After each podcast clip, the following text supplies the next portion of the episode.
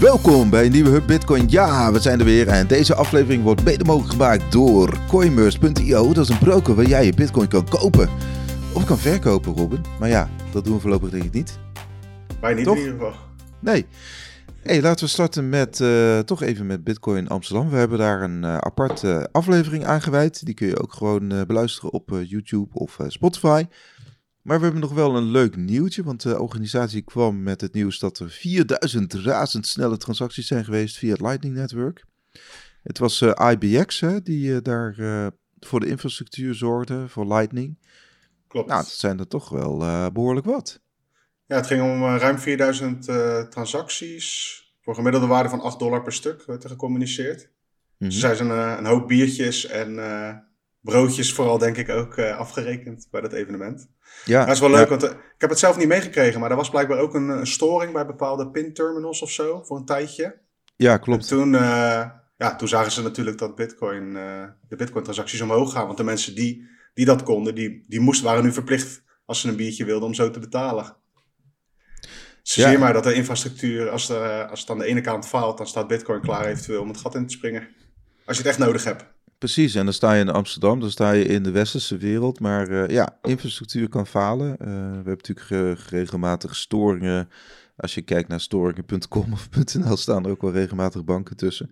Dus ja, ja en eh, in totaal ging het over 1,56 bitcoin. In ieder geval wat dus door de organisatie is eh, geregistreerd, Gecommuniceerd, ja.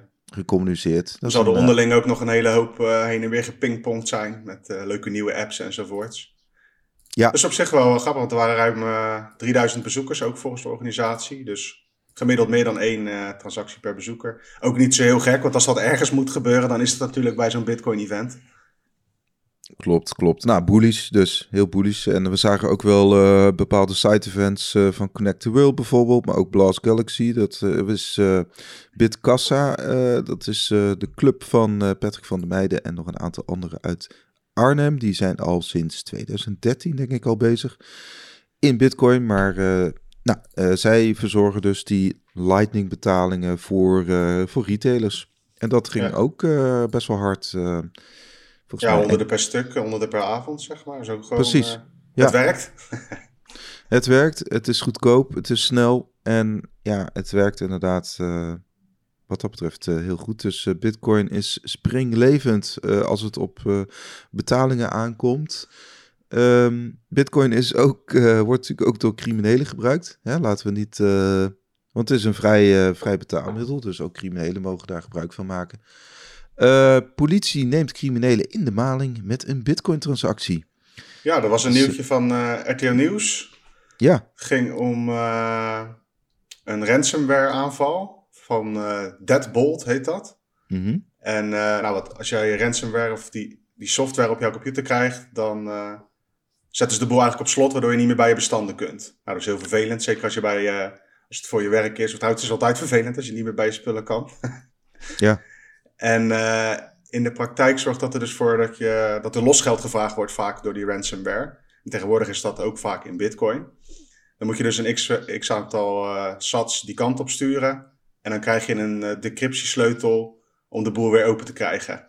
Mhm. Nu had de Nederlandse politie een, een trucje uitgehaald. En die, die gooiden een eh, bitcoin-transactie het netwerk op.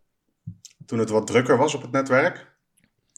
Eh, toen dachten de, de boefjes achter die malware van... Hey, of de, de software achter die malware, die dacht... hey, daar komt een bitcoin-transactie aan. Ja, je hebt betaald. Dus hier krijg je de sleutels, de decryptiesleutels... om de boel eh, weer open te gooien. Maar in plaats van dat eh, de politie het daarbij liet... zorgden ze ervoor dat die transactie alsnog niet naar, de- naar het adres van de criminelen ging, maar hoogstwaarschijnlijk naar een eigen adres. Oké, hoe kun je dat doen eigenlijk? Weet je dat? Ja, ik weet, ik weet niet precies wat ze gedaan hebben, maar in de praktijk betekent, is het in ieder geval zo: een Bitcoin-transactie is definitief. Maar het is niet zo als jij voor het eerst een Bitcoin-transactie zeg maar, aan de wereld laat weten van hé, hey, ik wil deze transactie doen, dat die dan à la minuut, net als bij Lightning, eh gesetteld is. Je moet wachten tot die in een blok komt, een miner moet hem oppakken, Ja. enzovoorts. Eh, en zo kun je bijvoorbeeld als je een transactie eh, de, de wachtrij inzet, zeg maar, Mhm. kun je, kun je, als die daar nog in zit, later eh, een, dezelfde hoeveelheid bitcoin sturen met een hogere transactiekosten. Ja. En dan kan die worden opgepakt door een miner en die andere valt dan als het ware weg, want die is nog niet verstuurd. Als Precies. je transactie kunt- helemaal is opgepakt door miners en in een blok gestopt, dus in de boekhouding verwerkt, dan is die definitief.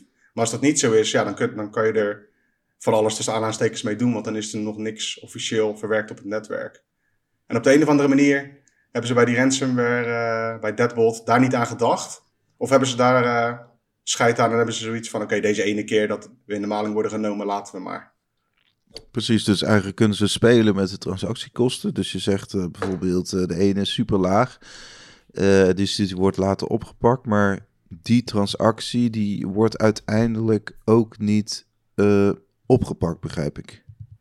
Ja, dat kan dan niet, want als die andere al verwerkt is met eh, dezelfde UTXO, met de hoge transactiekosten, dan Ah, vervalt die andere. Want je kan natuurlijk geen dubbel spend doen. Nee, nee, inderdaad. Nee, goed En ik weet niet weten. zeker of, of dat precies is hoe dit is gegaan, want eh, Mhm. dat heb ik even. Maar dat is een van de opties eh, om het te doen. Oh, je maakt dus gebruik van de, dezelfde UTXO. Oké. Top. En ehm, ja, in de praktijk komt het dus op neer. Het was eigenlijk, iemand gaat met geld eh, in de hand alvast van, hé, hey, we hebben een deal hier, alsjeblieft. De ander geeft alvast eh, waar je voor betaald hebt, die sleutel, en dan trek je je hand terug. Dat is eigenlijk wat er gebeurd is. Ja. En eh, heeft dat ertoe geleid dat de boeven ook opgepakt zijn? Nee, zeker niet. Volgens RTL ging het om 20 slachtoffers die zijn geholpen hiermee. Eh, de Nederlandse politie zei ook dat er eh, zo'n 15.000 slachtoffers zijn wereldwijd van specifiek deze Deadbolt eh, software. Waarvan zo'n 1100 in Nederland. En wat zij ook aangaven is van, joh, als je dit nou hebt, doe aangifte. Want blijkbaar is deze actie tot stand gekomen van mensen die aangifte hebben gedaan, zeg maar. Oké. Dan hoef je niet te verwachten dat als je daar aanklopt, dat dat gelijk even voor je wordt opgelost en je computer weer werkt of je je geld terugkrijgt. Maar ze geven in ieder geval aan van, joh, als, eh, als dit soort dingen aan de hand zijn, eh, meld het. Doe ermee wat dus- je wil. Het eh, doen van aangifte loont in dit geval dus. Ja, voor, nou ja, ik weet niet. Het komt wel eens waarschijnlijk ergens onder op de stapel. Maar het is wel, ik vond het gewoon opvallend nieuws, zeg maar. Want iemand wordt, ze hebben dat handig gedaan. Ja. ja, volgens mij heeft de Nederlandse politie ook wel een, een, in ieder geval een, een, een handjevol specialisten die, die wel weg weten op het Bitcoin-netwerk. Ja. Ongetwijfeld. Dus, eh, nou ja, op zich eh, leuke, leuke PR voor de, de Nederlandse politie. Eh, we gaan eventjes door met Portugal. Ook wel een oord waar de, ja, hoe noemen we dat? De bemiddelende Nederlanders kunnen, kunnen zitten daar. Of ze hebben een vakantiehuisje en zo. Maar goed, ze beginnen dus ook met de winstbelastingen op Bitcoin. Het is een plan wat al langer eigenlijk borrelde hè, in het land. Het is een EU-land, onderdeel van de Europese Unie.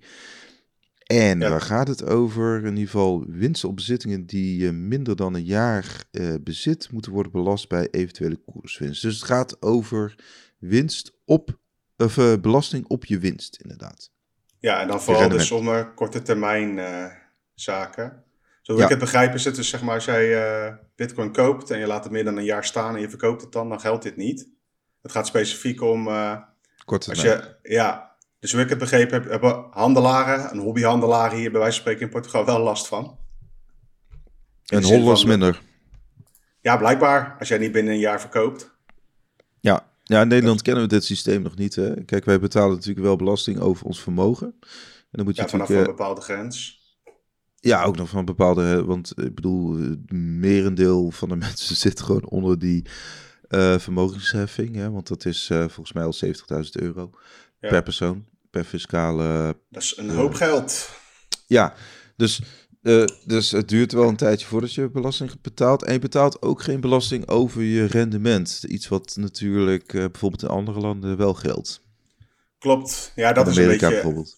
Ja, dat maakt het gebruik van, als je zeg maar belastingtechnisch maakt dat het gebruik van Bitcoin hier als betaalmiddel wel makkelijker dan in heel veel andere plekken.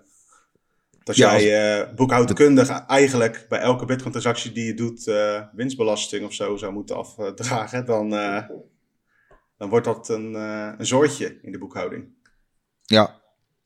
Nee, daarom. Dus dat, nou ja, goed. Dat gelukkig is dat er nog niet. Maar ja, je weet nooit wat er in de toekomst gaat gebeuren. Want ze gaan natuurlijk steeds meer belasten. En, Ja, ik denk ook dat dit bij Portugal is natuurlijk een beginnetje. Ook om te kijken hoe dit dan weer gaat en zo. Nu, dat Portugal staat een beetje, zeker met Madeira ook. die eilandengroep waar ze wat meer op Bitcoin in zouden gaan zetten. ja, dat, dat imago hebben ze wel een beetje in de wereld van, van Bitcoin binnen Europa. Maar ja, het kan ook zo veranderen natuurlijk. Ik denk dat het wel een mooi bruggetje is om even de, de Mika erbij te pakken. Maar ja, die kunnen natuurlijk ervoor zorgen dat Port wat Portugal allemaal bedenkt op termijn toch strenger moet. Ja, ik vraag me wel altijd af, hè, stel dat iets goed werkt in een, in een EU-land of andere EU-landen dat dan per se gaan overnemen. Dat, daar zie je ook wel heel veel uh, smaakjes en kleurtjes in natuurlijk. Uh, ja, ik noem maar wat. Uh, je hebt aan ja. de ene spectrum Hongarije, aan de andere spectrum heb je, heb je, heb je, heb je Denemarken bewijs van. Ik bedoel, het is, het is allemaal heel anders per land. Maar ja, daarom vind ik het zo bizar dat ze nu dus, want die, die Markets in Crypto Assets Regulation is nu dus ondertekend ja. de wetgevers.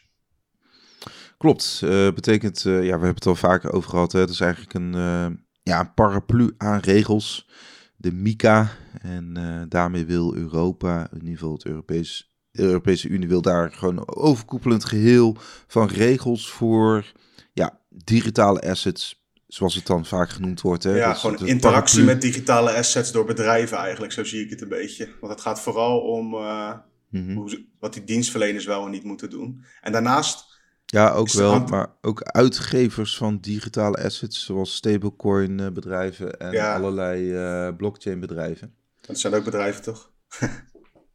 ja, ja, nee, inderdaad. Maar je hebt dus, ja. waar ik dacht dat waar jij het over hebt, de beurs en custodians zijn, die erin handelen of het bewaren. Maar het gaat mm. dus ook over de, het uh, bedrijven achter die coins. Ja, en NFT-crap en zo, dat komt ook allemaal, zal er ook allemaal wel onder vallen. Ja. En op zich is het wel uh, interessant, want ik ben wel benieuwd hoe het straks gaat wat betreft... we hebben natuurlijk in, in Nederland dat die developer van Tornado Cash op Ethereum is opgepakt mm -hmm. hier. Ja, er wordt dan, op dat evenement werd dat ook heel erg gebracht als just for writing code. Maar ze hebben natuurlijk een x-aantal andere dingen ook op hem geplakt. Omdat die een community zou runnen waar dan eventueel witgewassen zou worden enzovoorts. En ik vraag me af of uh, bij dit soort wetgeving op termijn daar ook ruimte voor komt. Dat je bij wijze van spreken zwarte lijsten in Europa krijgt van mixers enzovoorts. Weet je wel, echt, echt op protocolniveau. Ja, ja, maar zeg maar, Tornado Cash is nu dan op protocolniveau als het ware staat hij op die zwarte lijst. Mhm. Ik, en de vraag is of dat op termijn ook voor, voor Bitcoin dingen gebeur, gaat gebeuren. Kijk, het in een wetboek zetten is uh, stap 1 en daar gaat het verder niet om. Maar waar denk je dan aan? Aan een Wasabi wallet? Of ja, ik, ik, zal die, ik weet die namen, ik weet natuurlijk niet uh, wat ze bekokstoven. Maar ik kan me voorstellen dat je op termijn te maken krijgt met een situatie dat die Mika dingen gelden. Nou, dan mhm. moet je aan bepaalde regels voldoen. Uh, en als jij vervolgens via iets waar jij aan bouwt, transacties gaat verwerken, waar je dan op een bepaalde manier niet voldoet aan de MICA, dat je dan in de problemen kunt komen. Dat wil niet zeggen dat iedereen daarmee in de problemen kom, komt, maar het wordt een beetje zo'n grijs gebied weer. Ja, ja het, zal, het zal sowieso je hebt, ja, het is altijd een grijs gebied, want je hebt de, de, gewoon de, eh, de regels zoals die op papier staan en je hebt de praktijk natuurlijk. En dan moeten de toezichthouders, toezichthouders en ook de opsporingsdiensten, die moeten daar naar gaan handelen. Ja, en dan heb je uiteindelijk ook nog te maken met een recht, uh, rechter, die ook uh, zich moet uitspreken. Dus dat zijn allemaal grijze gebieden, dat zijn allemaal subjectieve gebieden ook. Ja, mocht je nou een jurist zijn of een eh, advocaat. Als je in deze niche eh, gaat zitten en Bitcoin-bedrijven wil helpen en goed geld verdienen, dan zit er in die Markets in Crypto Assets Regulation wel het een en het ander, denk ik. Daar gaat een hoop ja. gezeik opleveren. Ja, want we kennen gewoon uit allerlei andere jurisprudentie natuurlijk ook dat, ik noem wat, er is een strafbaar feit gepleegd. Nou, zet, zet tien rechters naast elkaar. En je hebt toch zeker de helft die anders gaan oordelen. Weet je wel, dus het is nooit... De, ja, ja, dat is ook een beetje inherent aan uh, regels voor, uh, hoe is het, 27 landen. Dan is het logisch dat er ook uh, aan allebei de grensgebieden heel veel dingen ook niet kloppen, zeg maar. Dat nemen ze voor lief. Ja, maar neem, neem maar van mij aan dat allerlei uh, protocollen, uh, zoals, uh, ja, of dat nou Tornado Cash is, of weet je wel, van die Bitcoin mixers zoals Wasabi of Samurai, ja, die staan al lang, die staan al lang op lijsten, zeg maar. Dus dat nou, je hebt sowieso al jarenlang gemonitord. Het wordt al jarenlang ja. gemonitord. Alleen dit, dit, dit zijn regels waar ze dat eh, aan gaan ophangen. Dus ik Ja. denk, er is gewoon al allerlei praktijken zijn er al aan de gang. Qua opsporing, qua handhaving. Mhm. Maar soms, soms onbeer, zit dat ook inderdaad nog in een grijs gebied. En nu proberen ze dat helemaal onder deze paraplu te, te vangen. Ja, Dat, ze in ieder geval als- zelf, eh, dat ze in ieder geval zelf niet aansprakelijk zijn. Wat je als eh, klant ervan gaat merken is denk ik op termijn. Van, je, hebt, een- je hebt chain analysis en je hebt er nog een paar die, eh, van die surveillanceebedrijven die al die data verzamelen en dan met andere databanken samenkoppelen om dat dan bijvoorbeeld aan te bieden aan eh, een belastingdienst of een politie. Mhm. Ik denk dat het een kwestie van, eh, van wachten is tot eigenlijk die databases eh, die zij hebben, dat die aan de hand van zo'n Mika en andere zwarte lijsten allerlei dingen gaan flaggen en dingen gaan, gaan aanwijzen. En dan ga je het als klant merken. Als je ooit wat gemixt hebt via een of andere Bitcoin mixer en die, die mixer en alle transacties die daar ooit doorheen zijn gekomen krijgen een rood vlaggetje in die databases. Dan heb je de kans dat je bij de deur ineens geweigerd wordt bij een, eh, bij een beurs of broker. Ja. Als, zij, als zij voldoen aan eh, de huidige regels. En het is een beetje doemdenken, maar dat is wel iets wat staat te gebeuren volgens mij. Nou ja, dan, dan, zoals het in Europa werkt, dat werkt ook al met banken, verzekeraars, trustkantoren zo. Dan, dan is het aan de markt om daar tegen op te treden. En eh, doen ze dat niet, dan krijgen ze een boete. Dus het is eh, aan Coinmerse of aan een, een Bitfavo of whatever, Ja. Bitonic, whatever, eh, om, om die regels te handhaven. Klopt. Ja, want wij hebben dat zelf natuurlijk ook gemerkt wel in de afgelopen jaren. Van, eh, het is toch minder makkelijk om een, eh, bijvoorbeeld een bankrekening te krijgen als je iets met bitcoin doet dan als je eh, in een andere industrie werkt. Klopt, klopt. Nou, dat, dat zijn dan van die praktijkdingen die wij dan zijn tegengekomen. Maar iedereen kan wel voorbeelden Bitcoin, aan. Als Bitcoin Startup kregen wij geen rekening bij de Rabobank bijvoorbeeld. Terwijl wij, wij allebei, volgens mij zitten wij samen al 50 jaar bij de Rabobank. Als je bij, ik zit heel mijn leven, ja. Omdat mijn, mijn ouders Ja. zaten daar en ik zit daar gewoon bij. Dus niet omdat ik eh, een trouwe, trouwe Rabobank eh, Nee, fan ben, maar gewoon voor het gemak. maar toch vertrouwen ze ons niet. Nee, nou, dat zijn van die, van die dingen die, eh, ja, ik denk nog meer gaat krijgen. Ja, Oh, dat is wel een mooi bruggetje. Nou, een Oh. beetje triest bruggetje naar blockchain.com. oh ja. Die blokkeren eh, Russische klanten naar Europese Goeie. sancties. Ja, dat is eigenlijk een beetje hetzelfde van... eh, je hebt moeite...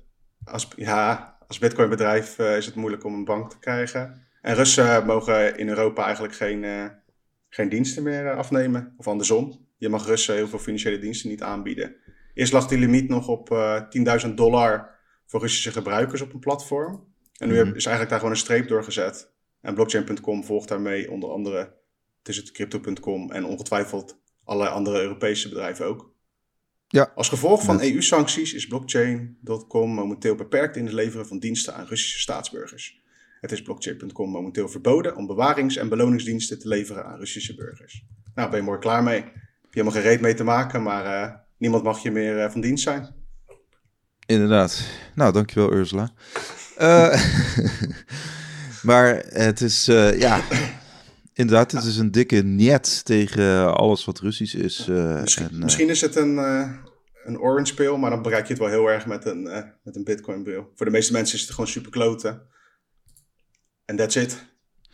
Ja, nou ja, kijk, weet je, stel je bent Rus en je hebt Bitcoin en je vindt echt wel weer een manier om, ja, je bent niet afhankelijk van blockchain.com, maar ja, Nee, het is wel, het is, ja, dit, dit is inderdaad precies een voorbeeld hoe dat werkt. En dit is precies een voorbeeld hoe, eh, wat, wat, Nou, ik vind dat zo'n... Europa Zo- moet dus gewoon kijken of eh, zo'n sanctie, eh, dat komt dan bo- bovenop zo'n Mika weer bijvoorbeeld. Hè, dus dat, dat zijn weer extra maatregelen bovenop op regelgeving die nog niet eens helemaal doorheen is.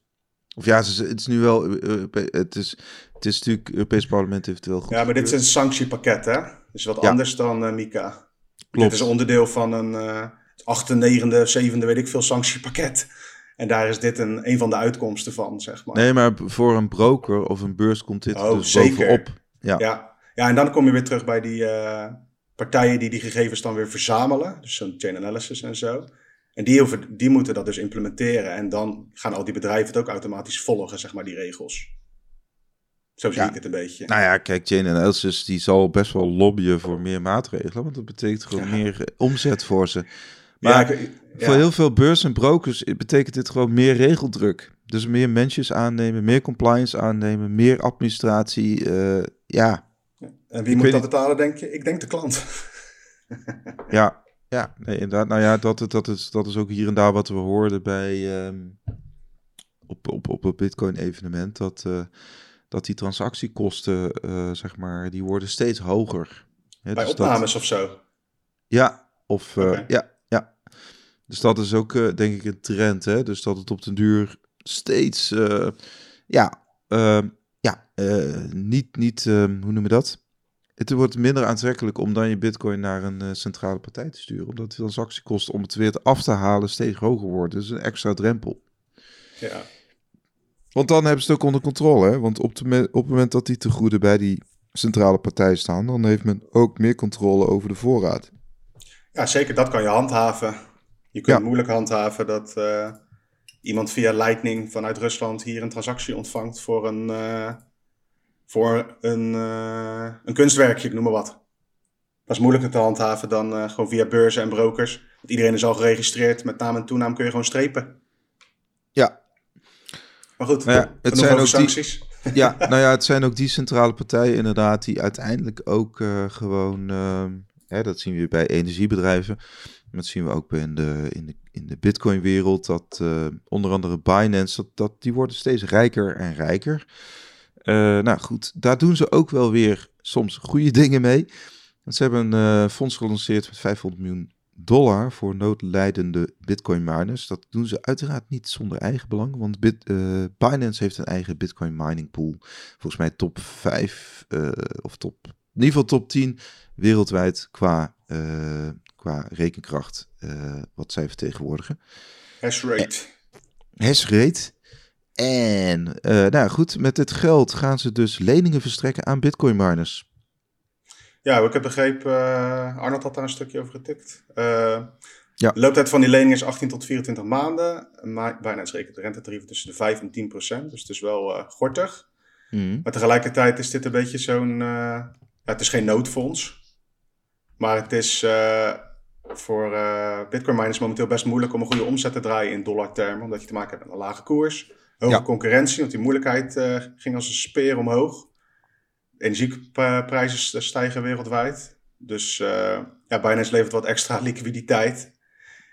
Ik dacht een beetje te denken van, het is een beetje heel in het klein wat het IMF doet. Hè? Van, oh, kunnen we bij ons gewoon lekker geld lenen tegen boekenrente? Ja, oh, als, niet, als niet, dan zegt Binance, oh, als het niet lukt, geef niet joh, dan nemen wij die hardware wel. Zo zie ik het een beetje voor me. Als je niet terug kan betalen. Ja. Nee, het is eigenlijk bizar, want er zijn natuurlijk heel veel uh, bedrijven gewoon al omgevallen. Hè? Celsius, Voyager, uh, wat heb je allemaal? Maar ja, ja Binance, Binance heeft wat dat betreft... Uh... Nee, maar dat is ook, die gasten, die, dat is echt, dat, daar hoef je ook niet... ja, die kunnen wel omvallen om allerlei andere redenen, maar dat zal weinig met de financiële situatie te, hebben, te maken hebben. Ja, ja, kortom, meer diversificatie, ook voor Binance. We zagen eerder al Grayscale, hè, die een apart fonds ook uh, oprichten. Grayscale Digital Infrastructure Opportunities, LLC. Daarmee gaan ze ook investeren in hardware voor Bitcoin miners. Dus blijkbaar zien uh, ja, investeerders, uh, beurzen, zien, zien kansen in die, in die mining, mining tak. Nou ja, op zich als je dan kijkt naar wat er aan de hand is bij miners, op zich zijn die marges inderdaad nu wat dunner. Tegelijkertijd wordt natuurlijk heel veel geïnvesteerd in uh, rekenkracht. Hè? Dus er zijn steeds meer nieuwe machines. Uh, steeds meer machines zijn uitverkocht. Dus je ziet ook schaarste. Ze zijn, ze zijn wel goedkoper juist hoor, de mining hardware. Dan vorig jaar bijvoorbeeld. Ja, oké. Oké, maar goed, ik, ik heb nog steeds wel veel vraag naar. Ja, ik weet niet precies uh, hoe die dynamiek werkt. Maar het, ja, het enige wat we echt kunnen zien is dat die moeilijkheid gewoon uh, stijgt. Dat betekent dat er uh, meer rekenkracht bezig is met minen dan, dan ooit. Dus blijkbaar ja. loont het nog voor een x-aantal partijen. Ja, ik kan me voorstellen als jij rond 60.000 dollar wat miningapparatuur hebt gekocht. Dat was dus ook op het hoogtepunt qua stuksprijs voor die hardware. En het lekker thuis hebt aangesloten, gewoon voor de lol eigenlijk. Dat je nu flink verlies leidt dit gaat vooral natuurlijk om die grote industrieën die hele andere budgetten en andere dynamiek hebben. Ja, Nou een lagere prijs veronderstelt inderdaad wel ook een afnemende vraag uh, ten opzichte van vorig jaar. Maar tegelijkertijd zien we wel die netwerk-update, de difficulty rate update, uh,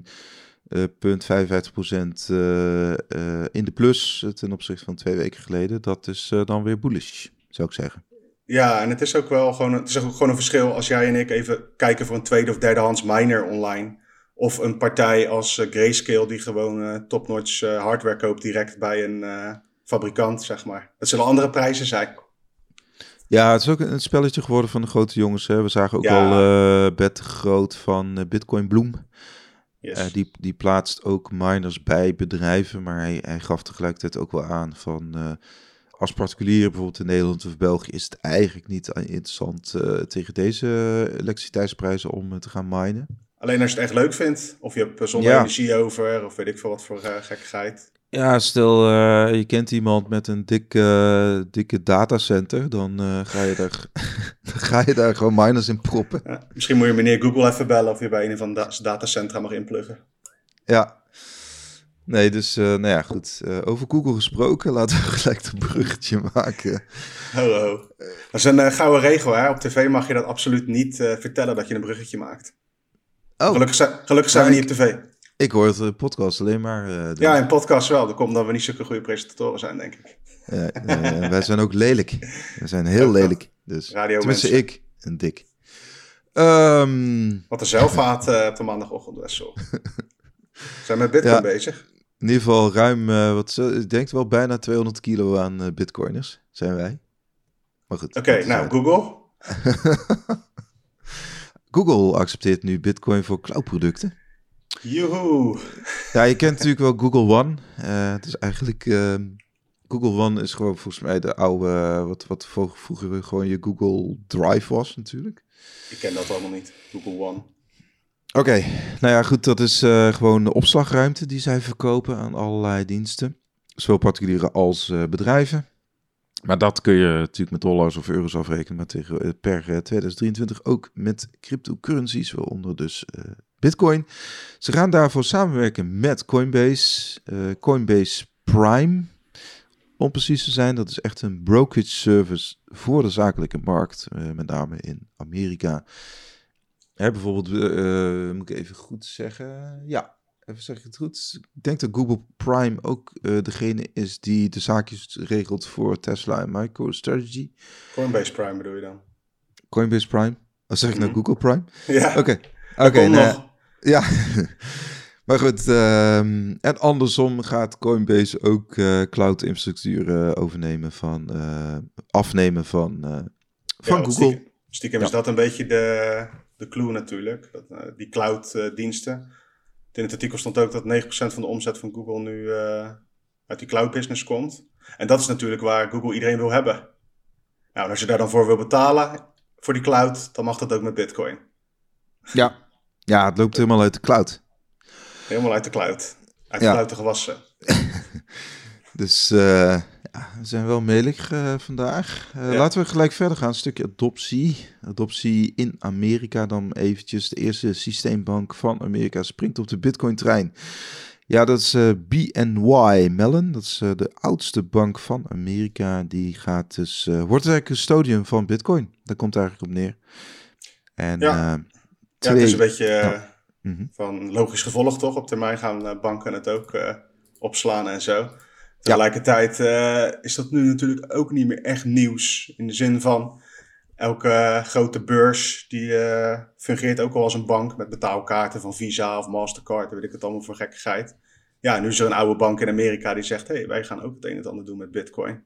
Dat is, uh, ik denk voor een pitch, als je zelf Bitcoin-diensten aanbiedt aan bedrijven, wel goed. Maar op de grand, in de grand scheme of things vind ik het leuker dat er 4000 keer betaald is met Lightning in Amsterdam dan dit. Ja, inderdaad. Uh, maar het helpt allemaal. En het is in ieder geval voor. Ik snap best wel dat jouw Bitcoin hard, uh, daar harder van gaat kloppen, inderdaad, van Lightning betalingen. Nou, nee, dat gaat het niet hoor. Het gaat om, zeg maar, uh, dat Mellon, die gaat dan Bitcoin-diensten aanbieden. Maar zeg maar, als je alles bij elkaar bekijkt, is dit echt. Dit gaat niks betekenen voor Bitcoin, laat ik het zo zeggen. Oh, daar ben ik het niet mee eens. Oké. Nee, je moet het, nou ja, je moet het zien als, uh, ik noem maar wat, een Van Landschot in uh, Nederland die ineens uh, bitcoin gaan aanbieden aan duizenden klanten. Mm Dus zeg maar, ik noem maar wat, iemand die geld verdiend heeft met het verkopen van sauna's of zwembaden. die is miljonair geworden, staat in de quote 500 van, weet ik veel, provincie Overijssel. Nou, die bankiert private bij, bij Van Landschot. En dan gaat Van ineens zeggen van, uh, oh uh, meneer, uh, ja, we hebben, we hebben een waaier van opties, maar we hebben nu ook een, een, een je kunt nu ook iets met bitcoin doen. Mm -hmm. Dus en zo moet je die Bino, die Melon ook zien. Ja, ik, ze gaan dat, het bewaren voor je, toch? Nou, ook verkopen. Hè, dus ze, ze hebben ook gewoon private klanten aan wie ze dus ook bitcoin aan de man gaan brengen. En dan mogen ze het ook zelf opslaan. Dus dan Ah, koop ja. je het. Ja, je koopt het bij ze en, en ze slaan het voor je op. Ja, dus dan heb je het nog niet gekocht. dan heb je ook een IOU.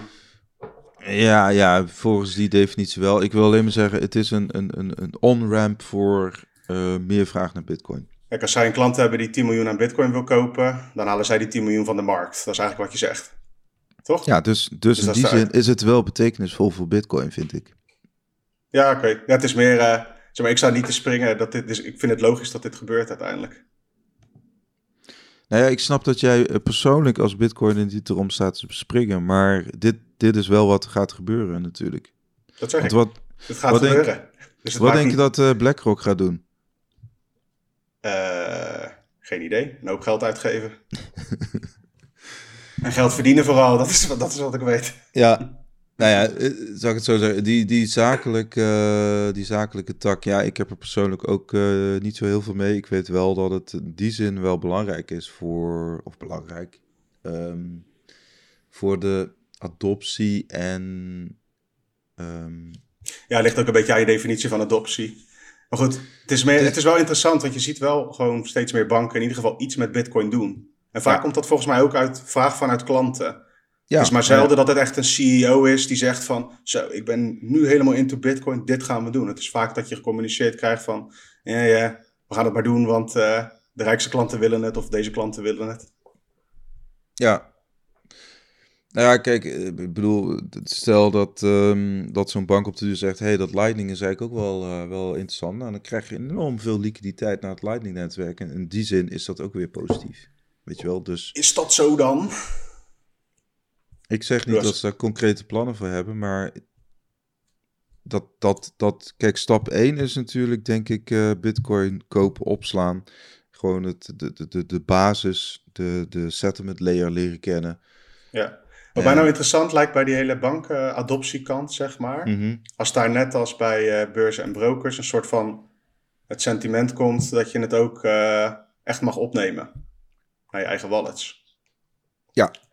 Dat zou zeg maar, voor mij een interessante trend zijn. En anders is het eigenlijk voor mij een beetje hetzelfde als een aandelenbroker of euro's of weet ik veel wat, gewoon bij een bankrekening. Maar dan staat er een Bitcoin logootje voor. Ja, ja, ik snap wat je bedoelt. Ja. Ja. We kunnen even Ja, een stap maken naar Frankrijk nog. Ja, Andere inderdaad. eh. Société Générale eh, mag eh, beginnen met diensten rondom bitcoin. Ja, Ik ben blij dat jij het uitspreekt. Oké. de grote bank heeft toestemming van toezichthouder om te starten met de handel, verkoop en opslag van bitcoin. Derde bank van Frankrijk. Ja, Eh, ja, het is een beetje hetzelfde verhaal. Wat je wel ziet in. Frankrijk is dat eh, ja, de, de toezichthouder, ook de AFM daar, eh, ook eh, Crypto.com, Binance en Luno onder andere zo'nzelfde soort licentie heeft gegeven. Dat zijn dus buitenlandse partijen. En dit is een Ja. Franse bank die hetzelfde, eigenlijk hetzelfde soort papiertje heeft gekregen. Stempeltje van zo, dit mag je doen in ons land. ja. Nou, je hebt natuurlijk de Paris Blockchain Week. Ik krijg bijna niet uit mijn bek, maar het is, ja, het is wat het is. En ja, Frankrijk is, in tegenstelling tot Nederland, eh, zijn zij wel... Ja, zij richten zich, zij proberen zich echt eh, te profileren als vestigingsland, zeg maar, hè, voor grotere crypto-partijen. Mhm. Ja, ik denk dat in Nederland uiteindelijk het register qua internationale partijen er niet veel anders uit gaat zien dan in Frankrijk, eerlijk gezegd. Zeg maar, Binance en zo komen er uiteindelijk toch wel door hier, via een dochterbedrijfje of zo. Ja, weet ik. Alleen de hoofdkantoren liggen allemaal in Parijs. Oh, zo bedoel je. Het is niet dat eh, de Zuidas vol zit met eh, beurzen. Nee. Nog. Nee, Dat ja, niet zegt. Had Nederland kunnen doen. Hè? Ze hadden Binance eh, binnen kunnen halen. Ah, misschien wat brievenbusfirma's, dat eh, zal best. Naast U2 en Google. Ja, ja, wie weet, inderdaad. maar, maar ehm, nou ja, ja. ehm, ja, eh, op zich ja, zou ik zeggen ook posit- netto positief.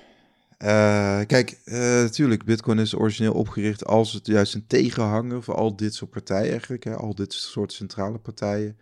Ja. En Ja. ja, de vraag is een beetje wie hierop zit te wachten, zeg maar. Dat heb ik Mhm. vaak bij die, eh, bij die banken. Die hebben een eh, klantenbestand van miljoenen mensen.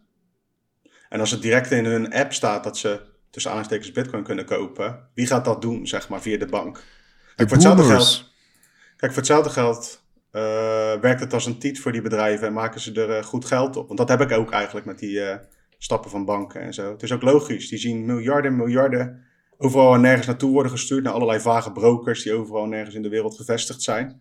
En dat, gaat, dat gebeurt allemaal van de bankrekeningen van die banken naar die andere partij toe. Die willen daar ook gewoon een gaantje van meepikken. Nee, tuurlijk. En dat is het spel, dat is gewoon de game theory stuff. Als de Nee, buurman want- het kan, dan kan ik het ook. Ja. Nee, stel je hebt, eh, ik noem wat, je hebt gewoon een miljonair, inderdaad, zoals ik al zei, ik, en die heeft zeg maar vermogen van eh 200, miljoen, eh 200 miljoen euro. Hm. Ja, die gaat echt niet met een app zitten kutten. Die wil gewoon, die wil gewoon een privaat gesprek. Die wil gewoon, nou, die, die gaat in eerste instantie, en met name als ze 50 jaar en ouder zijn, Ja. die, gaan, die, die, die willen dat in- allemaal in persoonlijke gesprekken doen. En die willen natuurlijk misschien ook persoonlijke dealtjes sluiten met, eh, met hun, eh, met hun eh, private banker. Klopt. Maar zou iemand ze dan uitleggen dat ze eigenlijk geen bitcoin kopen? Als het bij de bank blijft opgeslagen. Ja, maar dat interesseert ze niet. Nee, precies. Dat bedoel ik. Dus, Een hele andere doelgroep. Ja. Want dat is, is- Met, met, met, is goud hetzelfde. Ik bedoel, heel veel, te, grotendeels is papieren goud. Nee, is het echt goud. Dus Ja, lekker futures. Gezond. Goed voor de markt. ja, nou ja, ja, ik snap wat je bedoelt, maar dat zijn dus verschillende segmenten in, in alles wat met Bitcoin te maken heeft. En dat is echt heel breed natuurlijk. En dat, Ja.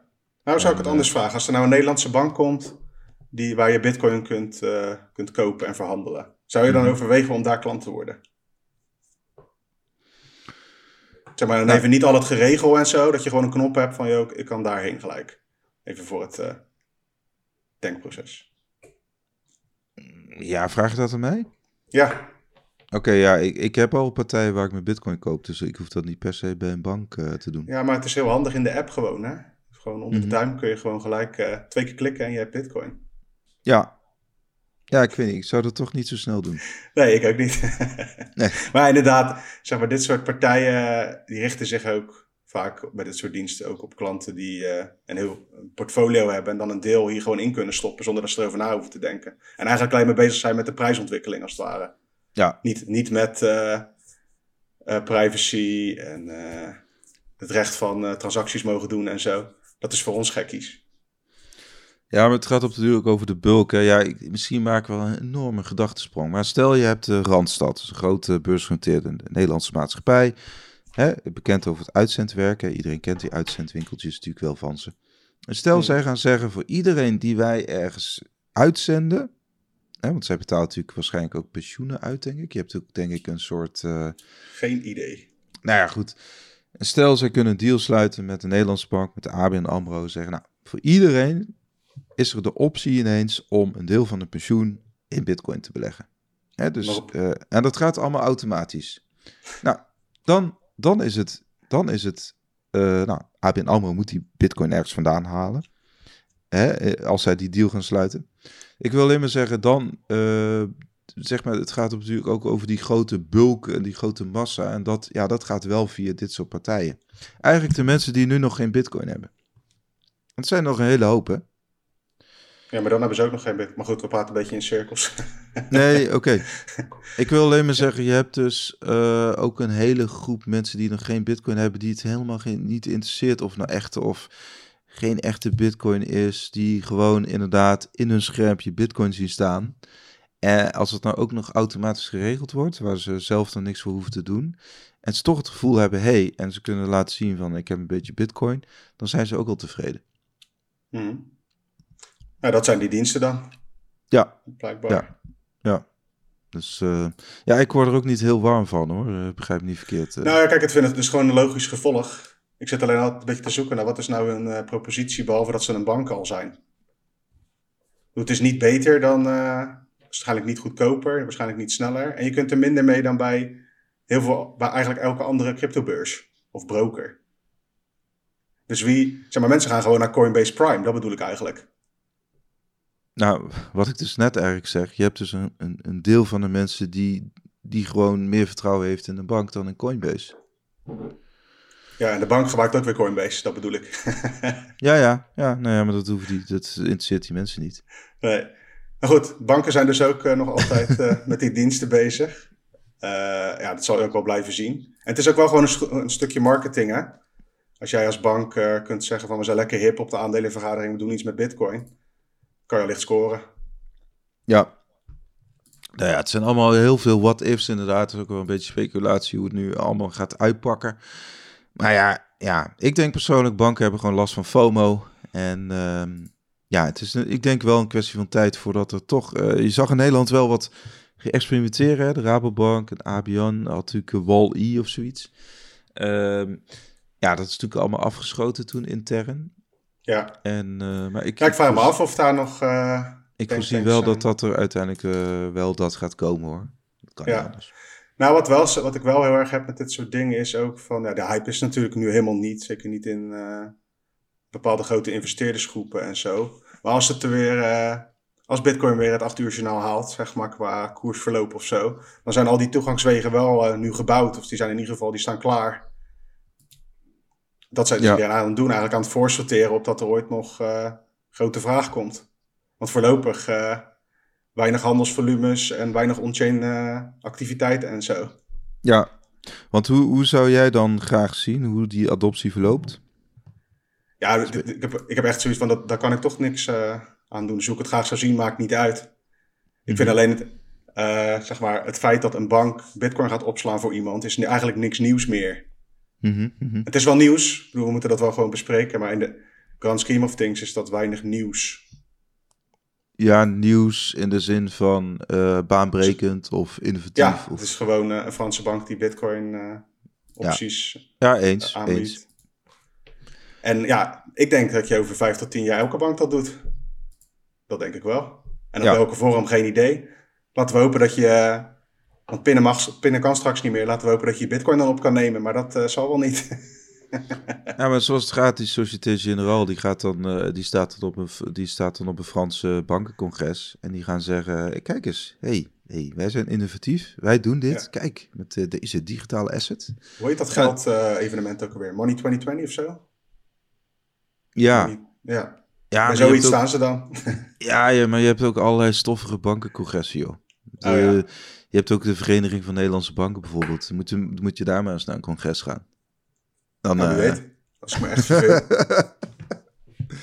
ja. maar goed, en dan komt er Bitcoin één bank en die is dan heel innovatief bezig. En dan denken al die andere banken van, ja, ja, Ja. moeten we ook nog maar zien. Moeten we Ja, maar dat is mijn punt. Dit is niet innovatief bezig. Dit is gewoon een dienstje aanbieden die iedereen al doet. Kijk, wat jij zei, als mensen, als, de Rabobank ineens zegt, hé, hey, we gaan met, eh, met Lightning kun je nu je hypotheek betalen. Dat kan helemaal niet met zulke bedragen. Dat is helemaal niet veilig. Maar zien. Mm. ja, Nee, ik bedoel, meer, vanuit jouw bril is het niet innovatief, maar vanuit andere bankiers. true. Ja, dat Wel is waar, weer. ja. Klopt. Of innovatief, het is in ieder geval nieuws. dan, eh, ja. Fair Maar enough. Ik zit even te kijken of we nog iets, eh een We komen er wel uit hoor. hoor, uiteindelijk. Komt Ja. er altijd wel uit. Ja, Je moet ook gewoon accepteren, hè. Mensen gaan mogen doen met bitcoin wat, wat ze willen, in principe. Moet gewoon bit- Bitcoin accepteren. Ja. Ja, als iedereen dat nou gewoon even doet. Bitcoin accepted. dus eh, even kijken, ja. ehm, oh, wat ik op zich wel grappig vond. Even tussendoor nog even over dat evenement. Er was ook inderdaad iemand die had een soort eh, Bitcoin map gemaakt. Kijken. Vond ik op zich ook wel geinig. En er was dan een of andere thuisrestaurant in Amsterdam die al eh, sinds 2014 eh, Bitcoin eh, accepteerde. Vond ik wel grappig. Oh, nice. Ja, Ja. er komen altijd een hoop leuke initiatiefjes uit als, mensen, als bitcoiners bij elkaar komen, zeg maar. Ja, heel die stad is ook helemaal volgeplakt met bitcoin stickers. Klopt. Dus, ehm, We hadden nog een paar korte nieuwtjes. oh ja. Huobi wisselt van eigenaar. Uh, oh, en wel een belangrijk dingetje was een uh, nieuw mining protocol, Stratum V2. Even heel uh, kort gezegd, dat, zeg maar, dat protocol gebruiken miners om te communiceren met elkaar en met hun pools, met hun team als het ware. En daar is nu een versie 2 van gelanceerd. En in de praktijk moet dat ervoor zorgen dat miners individueel, dus iedereen voor zich, meer te zeggen heeft over wat ze precies doen. Nu bij Stratum, die nu veel gebruikt wordt, moet je ook deels van de regels volgen van de miningpool als het ware. En nu Mhm. mag je meer zelf bepalen. Kun je bijvoorbeeld denken aan eh, welke transacties je verwerkt als je een blok zou vinden. Dat soort dingen kun je dan beter zelf bepalen. Ja, dat is wel interessant met het oog op eh, regeltjes en dat soort zaken. In Amerika zit eh, heel veel hash rate. Heel veel miners zijn daar eh, beursgenoteerd. Dus die moeten voldoen aan allerlei regeltjes. Ja. En mocht één zo'n partij een soort van omvallen in de zin van dat ze transacties gaan censureren of willen gaan censureren, dan kan je met zo'n Stratum V2 uh, dat voorkomen. Of je kan uiteraard naar een andere pool gaan. Oké. Dus in ieder geval, dat soort. Uh, er wordt niet alleen maar. Uh, het nieuws wat wij vaak brengen gaat vaak over uh, ja, industrie en de politie en Nederland. Een beetje wat er allemaal aan de hand is. Maar er wordt natuurlijk ook gewoon gebouwd aan allerlei protocollen om het allemaal nog beter te laten werken.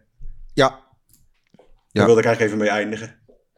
Nou, ik had nog een heel klein nieuwtje, vond oh. ik op zich nog wel opvallend. Inderdaad, Bitcoin mining startup Fabric Systems heeft 13 miljoen dollar opgehaald. Een van ja. de investeerders is uh, het Meta Planet Fonds van, van Jaan Tallinn. Dat is een medeoprichter van Skype. En ook blockchain.com doet mee en nog een aantal andere. Nou, wat op zich hun bijzonder maakt, is dat zij uh, de ASIC-machines koelen met vloeistof. In plaats van met ventilatoren. Ja, dus normaal zit er zo'n... Liquid, cool, liquid, cooling is wel heel lang hoor, ook bij computers en zo. Thuiscomputers. Ja. Ja, weet ik. Alleen zij doen dat dus op... Uh, het is een... Uh, er zit dus volgens mij geen traditionele ventilator in die miner. Mm. Hè? Uh, wat je ziet, die grote ventilatoren waar je altijd tegenaan kijkt. Ja. Maar dit, dit is een vloeistofgekoelde ASIC-machine. En zij doen dat dus op, op grotere schaal. En... Um, nou ja, goed, een van de ondernemers achter die start-up is Michael Gau. En die heeft al eerdere, uh, nou ja, die heeft al eerdere uh, succesvolle start-ups geleid. Ik ben benieuwd, dus dat, dat ik, is pas een uh, competitieve markt, de mining. ja, inderdaad.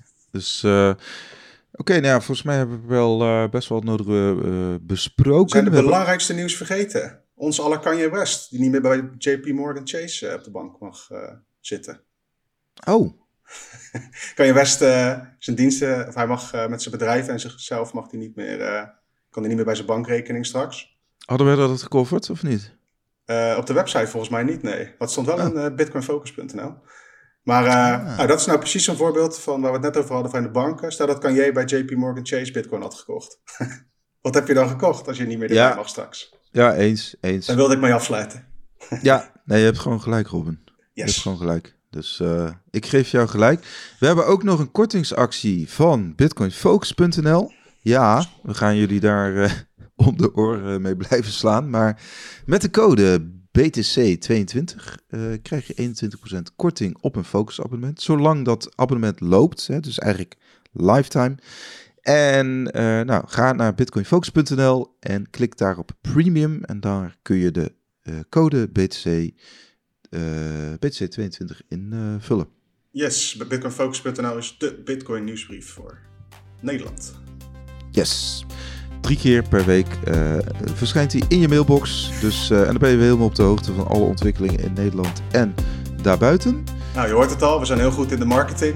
Check het uit en uh, vergeet uh, Bitcoin niet te volgen en te liken op het podcastplatform waarever je dat doet.